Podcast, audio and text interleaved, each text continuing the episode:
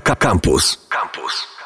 Cześć, witajcie, Monika Kita. Dziś w ekocyklu będzie o fleksitarianizmie. Co to takiego? To w dosłownym tłumaczeniu elastyczny wegetarianizm, czyli dieta głównie roślinna, która polega na okazjonalnym spożywaniu mięsa i jego przetworów. Dieta fleksitariańska jest stosunkowo młodym modelem żywienia, więc wiele badań na temat jej wpływu na zdrowie nie przeprowadzono. Nie ma też jednolitej definicji. Bywa czasami porównywana do diety semi-wegetariańskiej, której głównym założeniem jest wykluczenie mięsa czerwonego, czyli wołowiny i wieprzowiny, a dopuszczenie spożywania mięsa białego, to znaczy drobiu i ryb. Jednak w ekocyklu nie będziemy się skupiać na definicjach, ale chcę Wam przede wszystkim powiedzieć, dlaczego warto wybrać fleksitarianizm. Na pewno ta dieta przynosi spore korzyści dla zdrowia i dobrego samopoczucia, bo w dużej mierze opiera się na spożyciu owoców i warzyw, ale też jest korzystna dla środowiska, bo przecież produkcja mięsa jest dużym obciążeniem dla planety i pozostawia spory ślad węglowy, a ograniczenie jego spożycia to zmniejszenie jego produkcji i do tego oszczędność wody, energii, a tym samym ochrona środowiska i klimatu.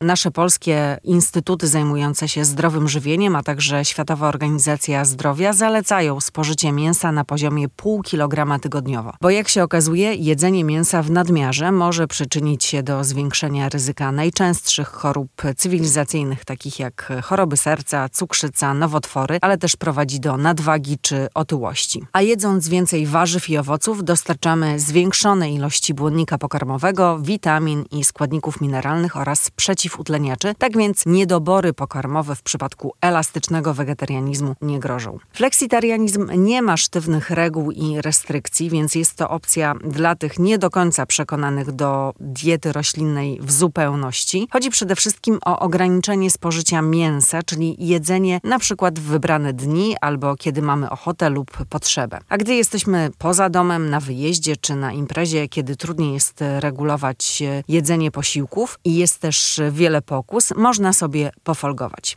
Tak więc fleksitarianizm to też super wygodna dieta. I właśnie w warunkach domowych, takich nieurlopowych, proponuję spróbować zastosowanie tej diety, która może być też etapem przejściowym na drodze do wegetarianizmu i weganizmu. Ale dzisiaj skupimy się na fleksitarianizmie. Od czego zacząć? Jakie są główne zasady tego modelu żywienia? Po pierwsze, warto wybierać więcej produktów pochodzenia roślinnego, przede wszystkim strączki, przykład soję, soczewice, ciecierzycę, bób czy groch, które są źródłem białka roślinnego. Można też sięgać do produktów opartych na strączkach, takich jak chociażby tofu i wybierać napoje roślinne zamiast mlecznych. Główna zasada jest taka, że warzywa powinny stanowić podstawę wszystkich posiłków, a owoce pojawiać się przykład w postaci deseru. Drugi krok to spożywanie oczywiście mniejszej ilości mięsa, które właściwie powinno być tutaj dodatkiem do dania, a nie jego głównym składnikiem. Dieta fleksitariańska dopuszcza też spożywanie nabiału, jajek i ryb.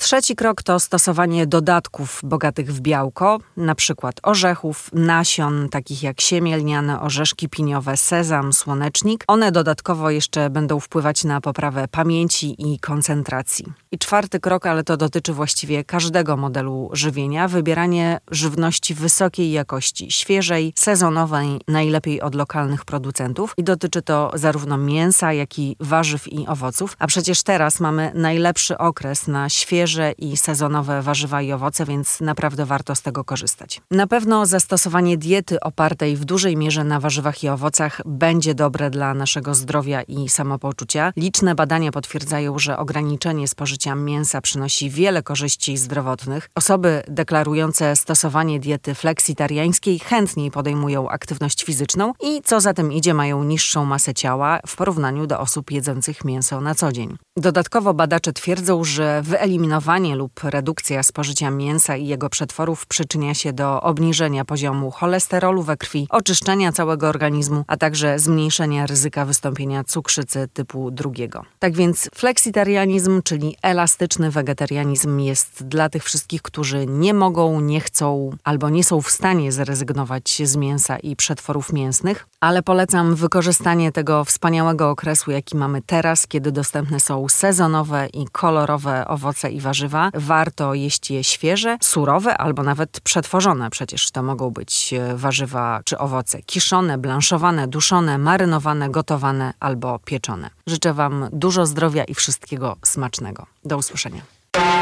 Internety. Facebook.com ukośnik Radiocampus. Twitter ukośnik Radiocampus. Snapchat ukośnik Radiocampus. Instagram ukośnik Radiocampus.